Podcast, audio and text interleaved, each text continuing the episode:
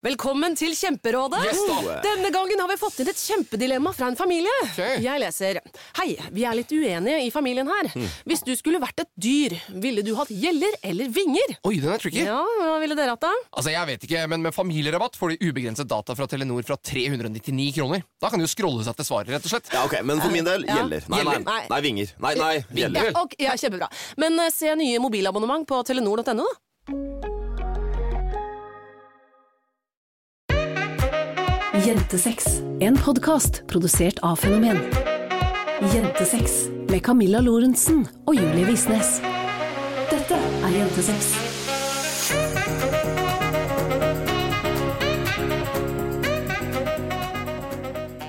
Hallo, alle sammen, og velkommen tilbake til en ny episode med Jentesex, podkasten hvor jeg, Camilla Lorentzen, Og jeg Julie Visnes. snakker om alt vi kommer på når det kommer til sex, seksualitet, samliv og selvfølelse. Oh yeah. Oh yes! Og selvfølelsen din har jo fått seg en knekk eh, siden sist, Julie. Hvorfor det? Fordi vi har jo begynt å se på Vampire Diaries, og du har blitt ekstremt sjalu på mitt forhold til Damon. Ekstremt sjalu. Hva faen er det du snakker Ja, om? dette så jeg på Insta-story i går. At du var veldig sjalu på Damon i Vampire Diaries. Ok. Ikke? Nja, jeg er jo selvfølgelig sjalu på utseendet til Damon og kunne ønske at jeg så sånn ut, men bortsett fra det så går det ålreit. Det gjør det? Ja, Ja. det er jo veldig flaks. Jeg er mer sjalu på TV-en for at midt i vår makeout-session så stopper du opp for å si 'Jeg har ikke sett dette før, Julie'. Det er veldig viktig for meg å få med meg det som skjer. Jeg prøver å lære meg stemmene, på en måte, sånn at jeg kan følge med uten å se. Ja, sånn at du skal følge med mens vi kliner, fordi det er ikke et option å sette på pause for deg. Jo, vi, jo, jo, vi kan absolutt sette på pause, eh, men da må du kanskje initiere det og si eh, nei, Camilla, du skal ikke følge med nå. Nå skal vi kline, sette på pause og fortsette. Det er mottatt. Fordi jeg har ikke viljestyrke nok i meg til å sette på pause midt i en episode sjøl. Nei, ok, jeg skal ta ansvar. Og det tror jeg alle som har eh, blitt hekta på en serie, kan følge, kjenne seg igjen i, faktisk. Ja. At eh, det eneste jeg har lyst til, sånn egentlig, er å sitte oppe hele natta og se på Vampire Diaries helt til sola står opp. Jeg har også fått en veldig rart ønske om å bite deg i halsen. Men det tenker jeg er en kink vi kan snakke om i en senere episode, kanskje. Ja, det er greit. Ja. Hva skjedde i livet ditt siden sist? Hva har skjedd i livet mitt siden sist? Jo, jeg har jo vært hos eh, legen, holdt jeg på å si, hos eh, kiropraktor, og fått svar på at jeg har Kostokondritt. kostokondritt. Kondritt, Ja. som hele resten av 2020. Ja. Dritt. Uh, ja, så jeg har betennelse i brystet, og det er eh, ti av ti. ja, det føles skikkelig deilig. Ja, det føles helt fantastisk. Så nå har det gått over, da. Nå har det gått over, ja. Ja, det har gått helt over. Jeg har det helt fint. Null stress. Don't think about it. Altså, jeg er så trøtt. Jeg, altså, I går sov jeg i 16 timer uten å kødde. Jeg er så trøtt. Jeg skjønner ikke hva som skjer. Eller jeg skjønner hva som skjer. Det er en kombinasjon av kost og kon-dritt og øh, avvenning. Avvenning av Soloft Zoloft og D-vitaminmangel. Det er en fin kombinasjon. En rolig kombinasjon. Ja ja, heldigvis så har du eh, bestemt deg for å ta det med ro. Jeg har fått streng beskjed, mener du? Du har jo herregud trua meg. Ja, Det har jeg. For du er ikke veldig god til å gjøre det på eget initiativ. Og sette grenser. Ja. Nei, det sa du i stad, at du, jeg klarer ikke å sette grenser for meg sjæl, og jeg trenger en støttekontakt. Det var ikke det jeg sa, det var det du furtent sa at jeg hadde sagt, etter at du hadde tolket mine ord om at du er viktigere enn jobben vår, eh, dit hen at jeg mente at du ikke klarte å ta vare på deg sjøl. Det var ikke det jeg sa. Det var det du mente. Det var det du følte. det jeg mente var bare at eh, du og din helse og at du har det bra er mye viktigere enn enhver podkast, ethvert Instagram-innlegg og enhver jobb. Og at det derfor er viktigere at du hviler og tar det med ro og blir frisk. Fordi nei, hun var eh, ikke Snakket ikke sannheten i stad da hun sa at alt var bra igjen. Hun har det så jævlig at det er helt jævlig. Og det er mye viktigere at du bruker kreftene dine på å bli frisk enn på å jobbe akkurat nå. Derfor har vi bestemt å legge trykk på vi. at vi skal ha juleferie. Og det syns jeg er spenstig, for det har jeg aldri hatt før. Så det gleder jeg meg til. Det blir på en måte en ny opplevelse? Det blir en ny opplevelse for meg. Eh, Så vi kommer vel tilbake i midten av januar et eller annet eh, sted, og er forhåpentligvis alive and well. Ja, mest sannsynlig. Det må vi jo håpe på. Ja. Det er veldig dumt hvis vi stryker med i løpet av denne perioden. Ja, altså nei, det gjør vi jo ikke, for nå skal vi jo ta det helt med ro og slappe av. Det kan hende at vi får en sånn skikkelig aha-opplevelse av det, og at det ikke er noe for oss, og at vi derfor går inn i koma. Ja. Det veit vi jo ikke. Men ja, vi, eh, dette blir på en måte siste episode før jul. Eller det er jo i jula, da, for det, du hører vel denne den 28. Det burde du i hvert fall, for det var da den ble sluppet. Og hvis du ikke er en av de som hører den først, hva gjør du her da? Nei da.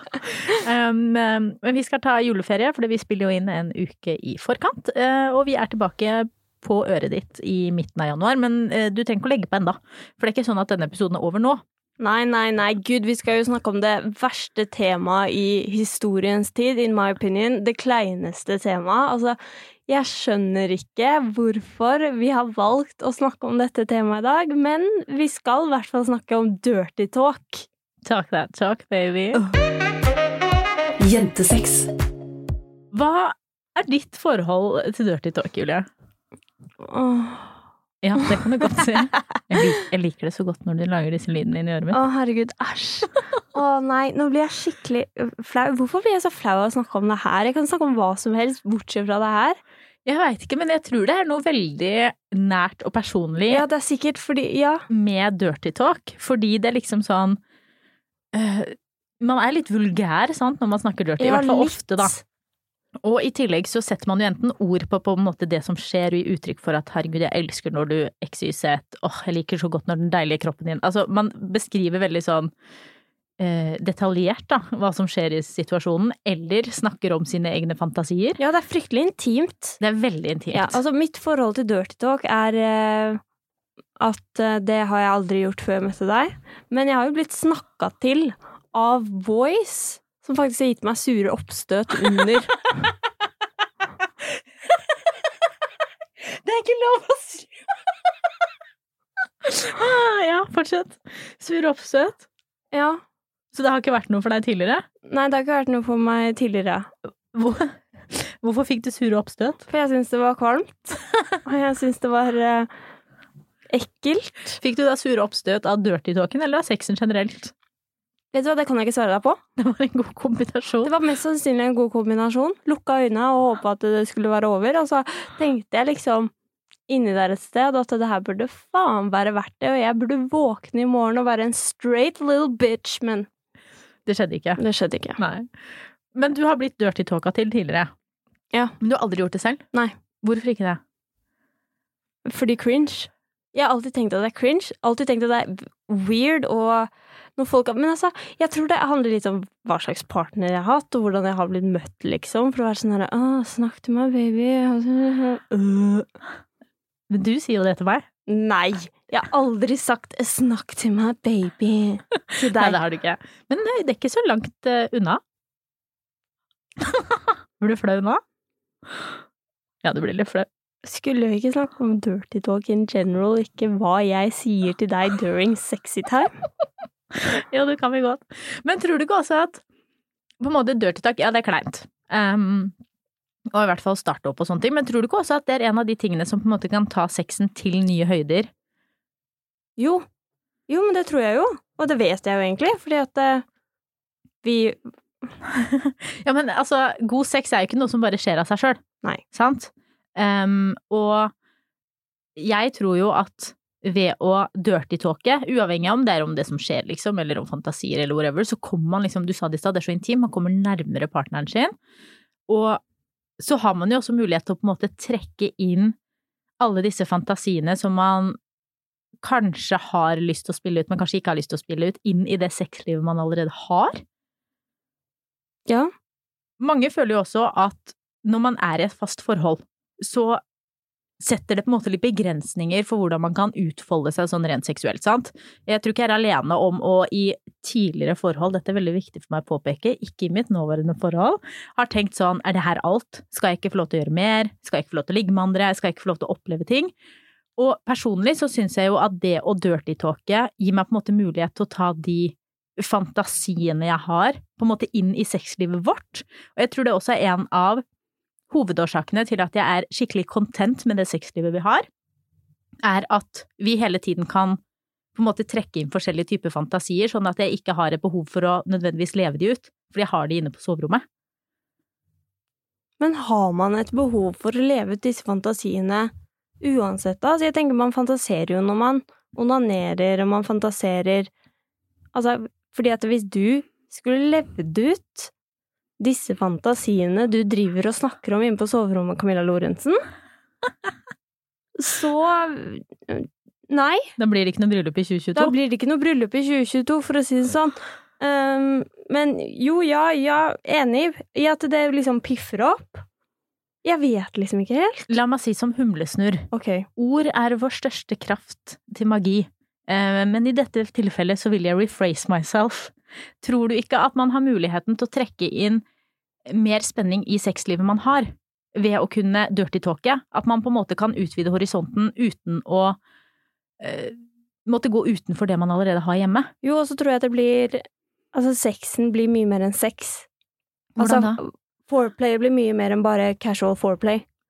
Fordi at det er ikke bare touching, det er ikke bare klining, det er ikke bare Men det er liksom enda mer intimt. Du er liksom enda mer oppi øret til partneren din, holdt jeg på å si. Bokstavelig talt. Oppi øret. Det bildet jeg fikk i hodet nå, en penis som penetrerte en øregang, var ikke helt Det hadde vært veldig intenst. Veldig intenst, ja. Det hadde jo vært helt forferdelig. Lager jeg lyd med Du lager mine? skikkelig lyd med skoene Åh, dine. jeg skal ta av meg skoene mine i et sekund. Tusen takk. Ja. Men tror du også, det her har jeg faktisk tenkt litt på, for vi har jo snakket om dette med forskjellige typer sexlyst. Ja. Tror du at det å dirty-talke også kan være en måte å på en måte utjevne sexlystforskjellen i forholdet, fordi den som har høy sexlyst, kan bli dirty-talka til av den med lav sexlyst, mens på en måte he or she or hen gets it off? Det var en veldig god idé. Var det Men, ikke det? men hallo, vi har jo gjort det. Ja. Nå går jeg inn på oss igjen, selv om jeg syns dette er kleint, vet du. Men I går, men Nei, forgårs. ja, fordi jeg var jo så jævla sliten. Fordi åpenbart så trenger jeg å ta bedre vare på meg sjæl, sier kjæresten min. Um, og så var Camilla kåt som faen. Uh, og så lå jeg ved siden av henne og bare ja, ok, but I don't wanna get it on. så da tok hun fram womanizeren og brukte den mens jeg snakka til henne. Og dette er det ikke kleint for deg å si, så Nei. lenge det handler om meg. Ja. Dette skal du få igjen for, tenker jeg. Det tenker, ja, men jeg har tenkt litt på at det liksom kan være en fin måte å Jeg veit ikke. På en måte gi partneren din det hen vil ha, uten at du nødvendigvis trenger å tråkke over dine egne grenser, da. Fordi det koster jo ikke mange kalorier uh, å dirty-talke litt når man har lært seg det. Vi skal gå litt inn på hvordan man kommer i gang etterpå, det tror jeg blir veldig spennende. Men jeg tenker at det kan være en superfin måte å på en måte, Man er nær hverandre, man får intimiteten.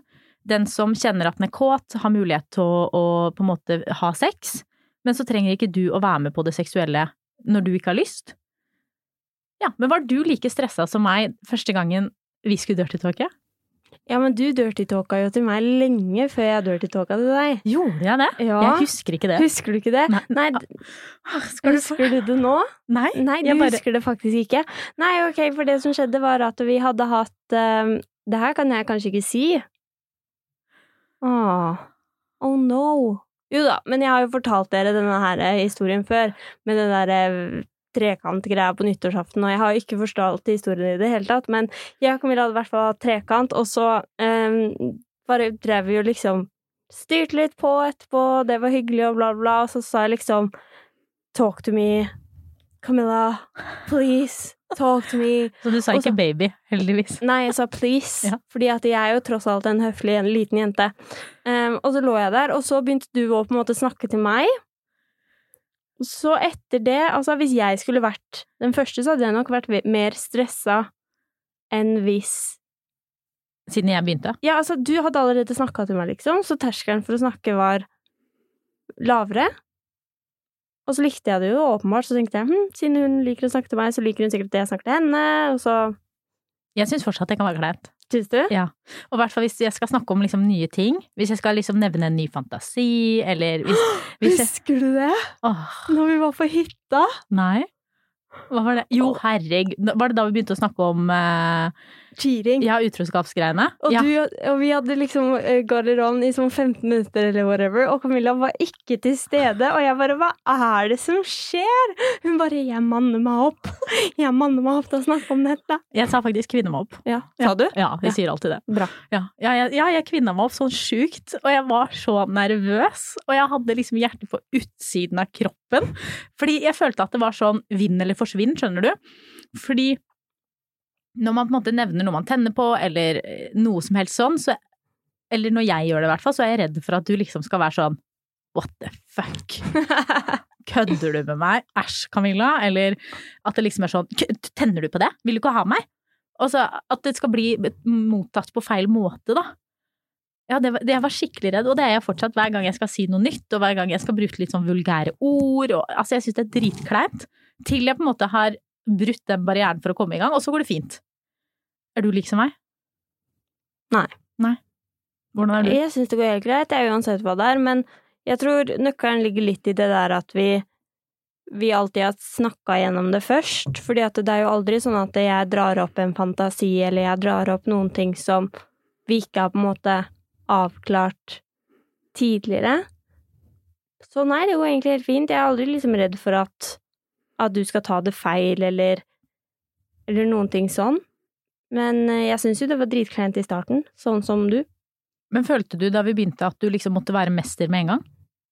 Nei, men altså, når vi begynte, så, så dirty talka jeg på engelsk, fordi at det var det letteste for meg. Det gjorde du. Um, og det var liksom null stress og, og sånn, så jeg, jeg husker jeg syntes jeg, jeg syntes det var jævlig når jeg skulle begynne å gjøre det på norsk. Jeg syntes det var skikkelig sexy. Husker du det? Om jeg husker det, ja, det var når vi var i Lofoten, og så Altså, jeg skjønner ikke hvordan du husker sånn spesifikt. det, var- det var det på Hva heter det, Savalen? Nei. Vær så god, Savalen. Det var hos dere. Ja. Um, og du bare 'Kan vi ikke prøve på norsk?' Og jeg bare 'Oh no. Fuck. Fuck. No way. Uh, ja, så det syns jeg var skikkelig kleint, og da gjorde jeg det liksom gradvis. Så jeg gikk liksom fra noen Litt sånn som jeg er i podden, vet du. Fra um, noen eh, engelske ord til eh, noen norske ord til eh, all Norwegian, holdt jeg på å si. Nå tror jeg ikke jeg snakka engelsk der på veldig lenge. Nei, det har du faktisk ikke gjort. Ikke gjør det heller. Eller jo, da blir det litt som å ligge med en annen. Det kan jo være spennende, Julie. Kødda. Camilla Lorentzen. Ja, unnskyld. Men hvordan kommer man i gang, da? Hvis man har lyst til å, å begynne å dirty talke? Kan man ikke bare prøve litt, da? Hvordan da? Åh, nei, jeg visste at dette kom til å bli en sånn episode. Hvor du skal ha dirty talke? Nei! Camilla! Det er dårlig gjort. Åh, nå må jeg si sånn her disclaimer hvis noen i familien min hører på det her nå. Vær så snill å skru av. Og jeg vet, mamma, du skrur aldri av selv om jeg sier du skal skru av, men denne gangen må du. Men går det an at vi heller sier ikke ta opp dette hjemme? Ja, eller ikke ta opp dette hjemme. Ja. Ikke send meg melding. Nei. Ikke gjør noen ting. Du kan starte med å spørre om partner liker det du gjør. Og så kan du gå videre til liksom spørre om eh, partneren din er kåt.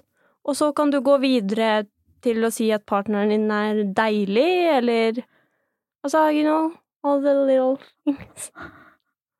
Ja, men jeg tror det faktisk er en veldig fin måte å begynne på, er det her med å beskrive det som skjer. Ja, Fordi eh, det å dele fantasier er jo skummelt. Og det er på en måte ikke der man har lyst til Hvis man aldri har dirty talka før i det hele tatt, så er det kanskje ikke der man har lyst til å begynne med å liksom skrike til partneren din at eh, fy faen, du, jeg elsker at du er en utro liten jævel Altså, det er kanskje ikke der man har lyst til å kjøtte på, sant? Nei, men La meg bare eh, komme inn her med et poeng her nå. Fordi nå ser dere jo Altså, jeg og Camilla, sånn som vi snakker nå, er sånn vi snakker om Dirty Talk hjemme òg. Ja. Altså, jeg syns dette er dritukomfortabelt, men ikke fordi det spilles på lyd.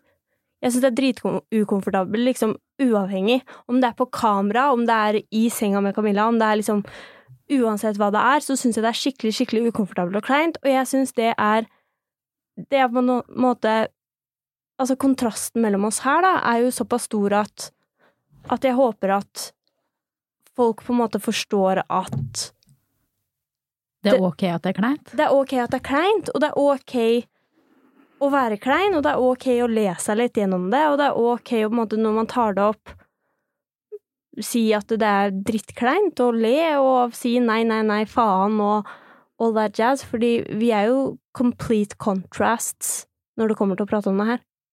Ja, jeg syns jo ikke det er så ille. Nei. Nei. Sant? Men jeg syns det er veldig søtt at du syns det er ille, da. Det Ja, må jeg takk. få lov å si. Takk. Men ja, ja, ja, det tror jeg faktisk er veldig fint det du sier der, det å ha liksom Man må kunne ha litt humor rundt det og tulle litt og, og prøve seg fram, og at det ikke er farlig. Uh, og vi har jo sagt ting, vi òg, som har gjort at vi bare har ikke gjort noe annet enn å le. Å nei, herregud. Det har vi faktisk. Det var også en gang Camilla Var det deg eller meg som hadde på dyna som kappe? Det var meg. Ja. Og så liksom All superheroes wear capes! Ja. Ja, det var også i en eller annen Ja. sånn dirty talk-setting. Så bare eh, fjern litt seriøsiteten, tror jeg er et godt tips. Ja, og så begynne med det her å, å beskrive det som skjer. Og det er jo mye man kan beskrive. Det er jo ikke bare på en måte hva som skjer, man kan jo kanskje begynne med det letteste, som er å beskrive det du liker med partneren din. Uh, og det kan jo være alt fra 'jeg elsker å se deg inn i øynene', uh, 'jeg liker puppene dine', 'jeg liker brystkassa di', 'jeg elsker å ta på rumpa di', 'jeg syns det er så deilig hvordan kroppen din kjennes mot min'. Og bare liksom beskrive sånne ukåte ting, skjønner Ja. du hva jeg mener? Ja. Uten at man liksom bruker ord som fitte eller pikk eller Jeg blir dårlig av å si det høyt, skjønner du. Um, I begynnelsen. Mm. Og liksom bare ta det sånn super-easy. Før man går videre til å på en måte beskrive det erotiske. Ja, men også kan man jo i stedet for å bruke de vulgære ordene, da, som kåt og pikk og alt det der, så kan man jo også si at det, liksom 'jeg har lyst på deg', eller 'det tenner meg når' Altså, det høres kanskje litt mindre sånn vulgært ut, og da føles det kanskje ikke så ille å si heller. Og så blir man ikke så klein. Nei? Og man kan jo si 'jeg elsker å kjenne deg inni meg'. Man trenger jo ikke å si at 'jeg elsker hvordan pikken din føles'. Altså, skjønner du? Eller fingrene dine, eller Man kan jo gjøre det òg. I love your dildo. I love your dildo! Oh my god, this dildo is so nice! Tror du at det å lese erotiske noveller også kan gjøre at man blir bedre på dirty talk? Ja, men for guds skyld ikke se på porno, og ta det derfra. Og så tror jeg det kommer veldig an på hva slags erotiske noveller det er snakk om her, fordi at det, det fins erotiske noveller som jeg har, vet du, vi googla meg inn på, som er helt for jævlige, og det er så vulgært som det går an å bli. Så i så fall velg dine erotiske noveller med omhu. Hva slags erotiske noveller har du vært inne på, egentlig? Nei, du vet jeg har jo søkt gjennom internett fordi jeg har lest alle. Jeg har lest alle på Bellesaco, og jeg har lest alle Jeg vet ikke hvordan Bellesa Det heter Bellas, Co. Bellasa. Co.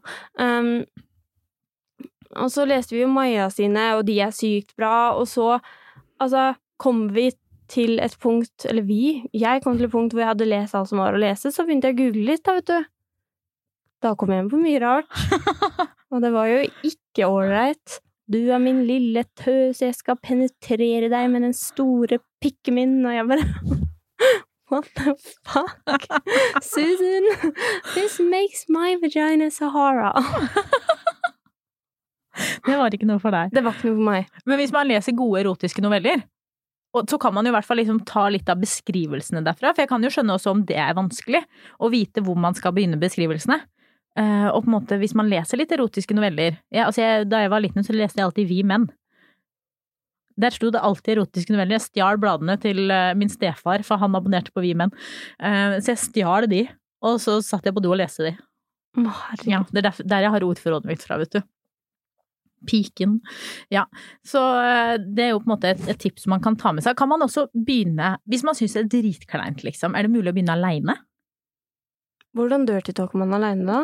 Mener du liksom med seg selv? Ja. Skal du ligge og ta deg selv på klitten og fortelle deg selv hvor deilig du er? ja. Eller late som at du ligger der med noen andre, da kan det være en idé.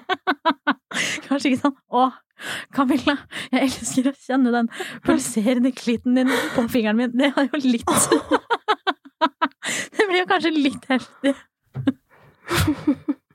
Ja, jeg så for meg at du bare lå der og bare liksom mm, Camilla, puppen din er så deilig i hånda mi.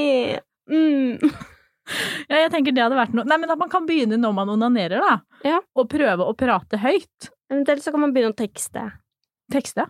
Ja, Sekste. Å ja, sekste, ja, med partner. Mhm. At det kan være en fin måte å ease into it. Mm. Jeg syns sexting er kleinere enn dirty talk. Syns du? Ja. Det har jeg faktisk merka. Du har det? Ja. ja. Fordi noen ganger så svarer du med sånn MM, prikk, prikk, prikk. Ja, det er spesielt når jeg er på treningssenter og trener med søskenbarnet mitt. Når du begynner å sexte meg, da blir jeg ukomfortabel. Mm, prikk, prikk, prikk. Å, herregud, det her blir altfor mye deling, eh, Visnes. Det blir ikke noe for meg. Ok. Um, så for å oppsummere litt, så kan man jo da enten begynne med å snakke om det som skjer på en måte der og da, altså beskrive kroppen til partneren din, beskrive din egen kropp, beskrive det du føler, beskrive hvordan kroppen din reagerer. Eller man kan snakke om fantasi man har, eller fantasier som man vet at partneren har. For det kan jo også hende at man har hatt en snakk tidligere hvor man har funnet ut shit, dette er det partneren min tenner på. Um, sånn at man kan begynne der også, ved å på en måte Istedenfor å snakke om det du liker, så snakke om det hen liker. Så er det kanskje litt grann lettere. Jeg Pluss- syns det er lettere. ja, syns du det? Ja. Og det er også en super måte å på en måte bli bedre kjent med hverandre da, og finne ut Altså hvis man trekker grensene litt og litt lenger hver gang, da. Det skal jo ikke mye til før man på en måte oppdager noe helt nytt, som gjør at man kan komme enda nærmere hverandre. Og så kan man jo da lese litt erotiske noveller for å få litt innspo til ordforråd. Fordi det er jo ikke bare bare å, å begynne å hoppe ut i dirty talk-terrenget. Det kan jo på en måte være litt vanskelig. Og Julie sitt tips er da å sexte. Eh, Jeg stiller meg ikke bak det i det hele tatt, det tipset. Fordi det er det kleineste jeg vet om. Men jeg skal øve. Det skal du. Liker du det? Jaha. Ja. Liker du det? Liker du det når jeg sier det? like like Ja, så det tenker jeg at er eh, perfekt. Og både sexting og dirty talking, om det er over telefon eller eh, SMS, det er også perfect nå som det er litt sånn social distancing times. Ja. Og det er en måte man på en måte kan komme kanskje litt nærmere hverandre på, selv om man ikke har mulighet til å treffe kjæresten sin eller partneren sin eller Så lenge det ikke er boys her som hører på denne podden og tar dette som en invitasjon til å sende unwanted dickpics, fordi det telles ikke som sexting. It's just gross. We're gonna leak them online. Nei, det gjør vi ikke, fordi det er ikke lov. Nei, det er ikke lov. Men det er heller ikke lov å sende de. Nei. Faktisk. Men da tenker jeg, Visnes, at vi setter en liten strek for Dirty Talk for denne gang. Jeg tenker at vi må ta en egen episode om sexting.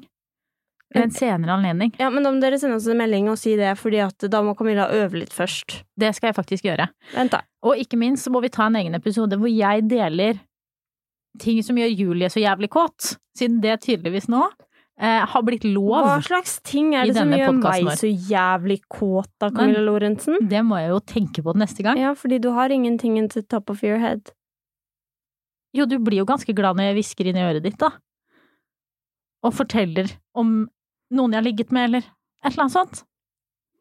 Ja, men er jeg den eneste? Nei, det er du ikke, for jeg har fått masse meldinger på at det er mange som er med i den båten. Jeg står, ø, står godt i den båten, det. Det er godt å høre.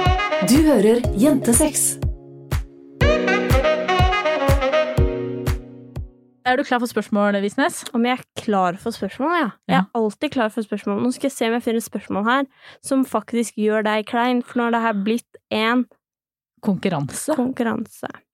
Nei, men altså, jeg har fått en del Altså ganske mange seksualitetsspørsmål den gangen her. Ikke så veldig mange dirty talk-spørsmål. Um, jeg tenker vi kicker i gang den eh, runden her med et litt sårt spørsmål. Fordi Siri lurer på hvordan man kan komme over sin første kjærlighet. De kom ut sammen, de kyssa, altså de hadde sitt første kyss sammen. De var hverandres første sexpartner, og hun ble dumpa. Åh, jeg får så vondt i hjertet mitt for Siri. Det må gjøre skikkelig vondt. Jeg kjenner meg ikke igjen i det hele tatt, for jeg dumpa min første kjæreste. Så, men det var fortsatt skikkelig kjærlighetssorg, så sånn sett så var det jo det. Men fy fader, den første kjærligheten er jo noe som alltid sitter litt ekstra inn i hjertet. Og det er jo på en måte med denne personen man har, som Siri sier, da, opplevd det første av veldig mye. Det liksom det første kysset, den første sexen, den første altet, som gjør at det kanskje er lett å føle at dette er den eneste personen du kommer til å være nær i hele livet. Ja, i tillegg så kom de ut sammen. ut av skapet, liksom. Ja. Og, og det også gjør det jo Altså, den tryggheten man da har hos eksen, er jo da Altså indescribable. Tror du det er det som gjør på en måte, at det gjør det ekstra vanskelig å komme videre? At, man kanskje, at Siri kanskje føler at denne eksen er den eneste hun stoler 110% på? Med liksom legning og alt? Jeg vet ikke. Men altså, de beste tipsene for å komme seg over noen er jo alltid Å komme under noen andre. Nei! Nei, jeg tulla. Jeg tulla. Du tulla jo ikke i det hele tatt, for det er jo din taktikk. Det er det. Det er et godt poeng. Jeg har eh, Altså, det som er, er at eh, å ha kjærlighetssorg på den måten er litt som å, å oppleve et dødsfall. Eh, fordi at det, det er jo det person, eller den personen som du er nærmest i hele verden, som bare forsvinner ut av livet ditt. Og nå vet jeg ikke hvordan det er med, med kontakt mellom deg og kjæresten din, Siri, men ekskjæresten din, åpenbart. Unnskyld, nå gjør du det sikkert verre. Fy faen, Nå Julie. gikk Siri rett, rett inn i en low. Men det er jo den derre sorgprosessen som man må gjennom. I tillegg så har jeg litt tro på uh, tidsfrister. Ja. Eh, jeg har tro på at hvis man gir seg selv en uke til å grine og spise is og gjøre alle disse klisjétingene og høre på sad songs og, og alt sånt der, og prate det ut Enten om man prater det ut til seg selv ved å skrive dagbok, eller om man prater det ut til venner, eller om man prater det ut til familie, eller hvem enn man ønsker å snakke, snakke med, så tror jeg det er sykt viktig å ikke hoppe over den derre grineperioden, fordi at hvis du hopper over den, så kommer den senere uansett, og da sitter det i deg, og jeg tror det er sykt viktig å, å faktisk la seg selv ha det jævlig. Og jeg tror også det er skikkelig viktig å ta en liten runde med seg selv og finne ut hva som faktisk skal til for at du skal komme videre. Fordi en ting er på en måte å grine og prate og alt det her, men det å skulle forholde seg, for det uavhengig av hvor eh, tett kontakt hun har med eksen sin, så vil du på en eller annen måte måtte forholde deg til dette mennesket for resten av livet. Fordi sosiale medier eksisterer.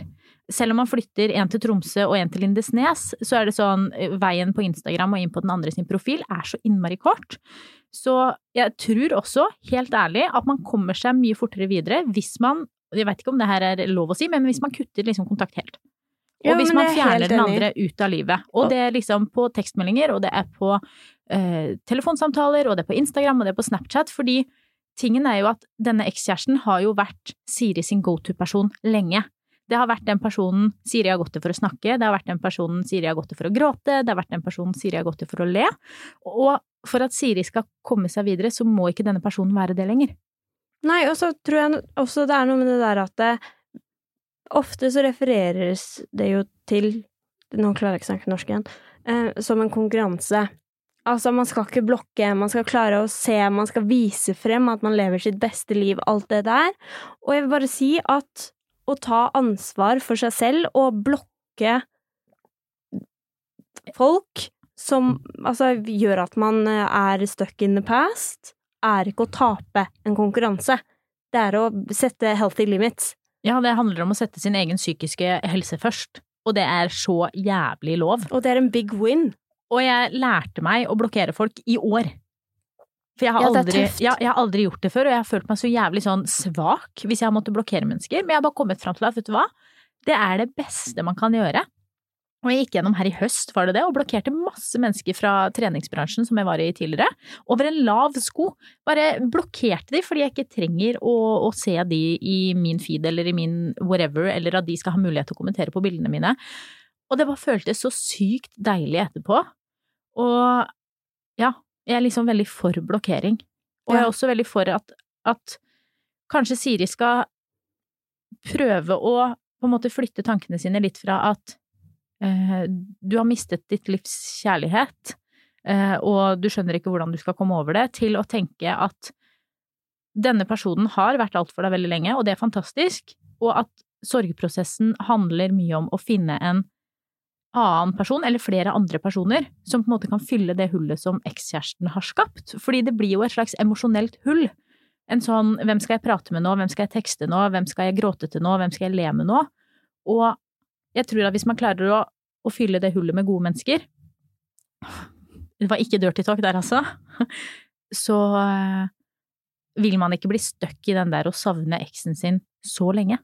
Og en annen ting som faktisk har eh, funka sykt bra for meg, eh, har vært å finne ut av hvilke hobbyer og hvilke ting jeg har likt å gjøre som ikke har hatt noe med eksen å gjøre i det hele tatt. Sånn, altså si at du elsker trening, men eksen elsker ikke trening, ok, men da, da finner du på en måte den gleden i treninga uten å måtte tenke på eksen, fordi at eksen var aldri en del av den hobbyen uansett, eller hvis man har noe annet, eller et spesielt sted man liker å gå, eller alle disse tingene som man har som ikke har noen ting med eksen å gjøre, og på en måte bruke tid på å gjøre det, kan også være helpful. Så hvis vi skal oppsummere til Siri, eh, blokker eksen hvis du har lyst til det. Fjern henne fra livet ditt. Eh, prøv å finne mennesker som kan ta opp den plassen i livet ditt som eksen har fylt veldig lenge, fordi det er ikke til å stikke under stol at, at en kjæreste tar jo på en måte veldig stor emosjonell plass på, på godt, da. Og prøv å fylle opp det med andre mennesker som kan være der for deg, og tørre å åpne deg opp. Mm. Fordi du trenger å gå gjennom en liten prosess hvor du bare gråter og kaster ting rundt deg, og spiser ris, eller la være å spise, det kommer jo an på hvordan du dealer med sorg. Eh, og bare gi deg sjøl tid til å føle, uten at du drar deg sjøl ned i den følelsen så mye at du blir værende der veldig lenge. Amen. All right. Silje lurer på hvordan kan jeg slutte å fokusere på å komme så mye at jeg ødelegger helt for meg selv? I feel ya, siste. Kjenner du på det òg? Ja, ja, ja. Det er sånn, og spesielt når noen går ned på meg og skal slikke, så er det sånn Jeg får en sånn tanke i hodet om at herregud, jeg må forte meg å komme før hun får krampe i tunga. Altså sånn uten å tulle. Hun, altså Julie må jo bli drittlei av å ligge der nede. Eh, jeg må jo forte meg Altså, hun brukte mye kortere tid enn meg, eller altså masse sånne ting. Og da, da drar jeg altså min egen kåthet bare ned i bakken. Og til slutt så er det sånn Now I feel nothing. Nei, men til slutt så ender man opp med å fake. Faker du med meg? Nei, ikke med deg. Nei, det er bra. For jeg har aldri faka med deg. Jeg har aldri faka med deg heller. Ja, det er best for deg. Men det pleier jeg å gjøre. Ja, og det skjønner jeg. For det er sånn du, du kjenner liksom bare at nå, nå må det bare ta slutt, for jeg klarer ikke mer. Jeg har ikke Altså, nå gikk jeg fra å tenke på at uh, en eller annen pulte en eller annen, og det var hyggelig, og jeg var kåt, og så nå tenker jeg bare på herregud, hvis ikke jeg kommer snart, så kommer hun til å, å dø. Og jeg lurer på hva vi skal til middag i morgen, og de kjøttbollene som står i kjøleskapet, de burde jeg ta Ja, så tar det liksom helt av. Hva gjør man for å slutte med det, da? Åh, det er så vanskelig. Men det kommer litt an på hvor stresset ligger, da. Sånn som hvis ditt stress ligger på at jeg skal bli sliten og tunga mi skal få krampe og all that jazz, så må du jo på en måte flytte fokuset til at jeg liker å være der nede. Eh, Og at who cares hvor lang tid det tar. Og så tror jeg det er fellesnevneren for hele greia, at det er sånn ok, men du kommer når du kommer, og noen ganger så kommer vi ikke, og noen ganger så kommer du på ett minutt, og noen ganger så tar det 15, og sånn er det. Og kanskje også gjøre deg sjøl litt bevisst på at det som skjer der og da, når noen går ned på deg, eller når noen tar på deg, er at det handler om deg. Og det skal ikke være fokus, det skal ikke være på hva partner må gjøre i denne situasjonen, men på hvordan du har det, og at du skal ha det godt. For det er jo, altså når noen slikker deg, så er det jo kanskje det eneste eh, som liksom handler 100% om deg. Det er liksom det er kun din nytelse som står i sentrum. Det betyr ikke at den der nede ikke liker deg, det gjør henne mest sannsynlig. Men det handler jo kun om deg. Tror du at det er vanskelig å gi seg sjøl friheten til å bare føle og slippe og datata, fordi det er vanskelig å sette seg sjøl først? Ja, det kan hende. At man eh, fokuserer mer på partner, Ja. og eh, om partneren liker det, eller om partner er sliten, eller om partneren tenker 'å, herregud, skal hun ikke komme snart'? Mm. Kanskje. Men jeg tror også vi queens har eh, vanskeligheter med å kommunisere når det faktisk er digg. Fordi at ofte så er det på en måte Altså, vi er alle veldig, veldig, veldig, veldig, veldig forskjellige, og noen liker eh, mye tunge, og noen liker mindre tunge, og noen liker mye press, og noen liker mindre press, og så glemmer man litt å, å kommunisere når partner er inne på noe. Den derre ok, men det var deilig, fortsett med det. I stedet så er man eh, all busy worrying about eh, hva partner tenker. Ja, og busy worrying about om partneren føler at han eller hun gjør en god jobb. Ja. At det blir sånn, ja, men jeg må ikke si noe, fordi da kommer hen til å føle at hen ikke gjør en god nok jobb. Og dette handler om at hen skal føle at den gjør det bra. Og det er jo ikke det. Nei, Ikke i det hele tatt. Hvordan geleider man eh, partner til å, å gjøre det bra, da? Nei, Hvordan altså- har du geleida meg? Hvordan har jeg geleida deg? Altså, jeg har jo sagt fordi at vi har jo to veldig ulike underliv.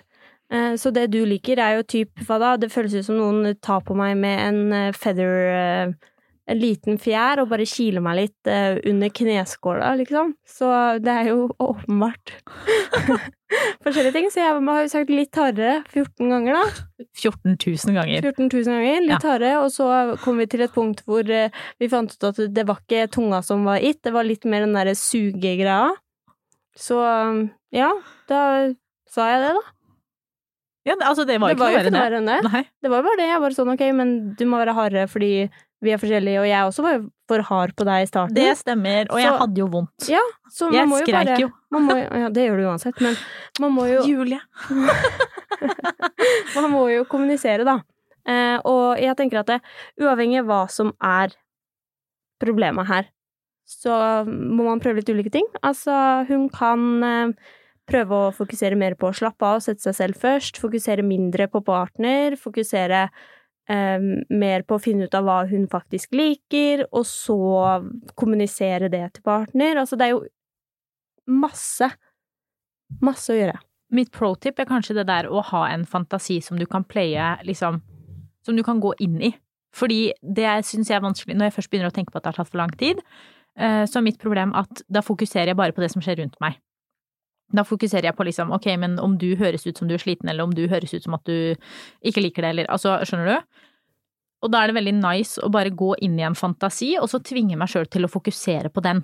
Og til å liksom puste helt sånn rolig, knipe sånn som jeg liker å knipe for at eh, det skal føles godt, og eh, fokusere på fantasien. Og det kan jo være et sånt tips å gjøre. Og i tillegg, som Julie sier, det der med å geleide partner sånn at hen er på riktig spor, uavhengig om det er finger eller munn eller eh, vibrator eller hva som brukes, at det er lov å si fra. Og det kan jeg si som en mottaker av geleiding, at det er aldri sure miner. Det er liksom bare sånn, ok, men da har jeg mulighet til å gjøre det enda bedre. Og det er jo det man vil når man skal gjøre det godt for noen andre. Man vil jo ha muligheten til å kunne gjøre det så godt som mulig. Ja. Ja. Ja. Det vil jeg si. Perfekt. Og med det så tenker jeg at vi sier eh, god jul, Julie. Og vi håper at du har en ho, ho, holy good merry Christmas. Hva faen? Åh, vi håper at dere går inn på Instagram, Camilla Lor eller Julie E. Visnes, og sender oss en melding hvis dere har satt pris på dagens episode. At dere tagger oss på Story, det setter vi skikkelig pris på, for da kan vi reposte uten å måtte lage egne stories. Og det eh, setter de late sjelene her litt pris på. Og i hvert fall nå som vi skal ha juleferie. Vi setter også pris på at vi faktisk får lov til å kommunisere med dere og snakke med dere, og at vi vet hvem det er som hører på podden. Ja, det veit jeg jo også. Men vi setter også pris på å kunne reposte. Ja, det er sant. Ikke lat som noe annet. Ikke være, et, later ikke som ikke være et bedre menneske enn meg nå. Send meg blikk. Du er et bedre menneske enn meg. Vi høres igjen midt i januar. Vi høres. Ha det! Ha det! Du har hørt Jentesex med Camilla Lorentzen og Julie Visnes. En podkast produsert av Fenomen.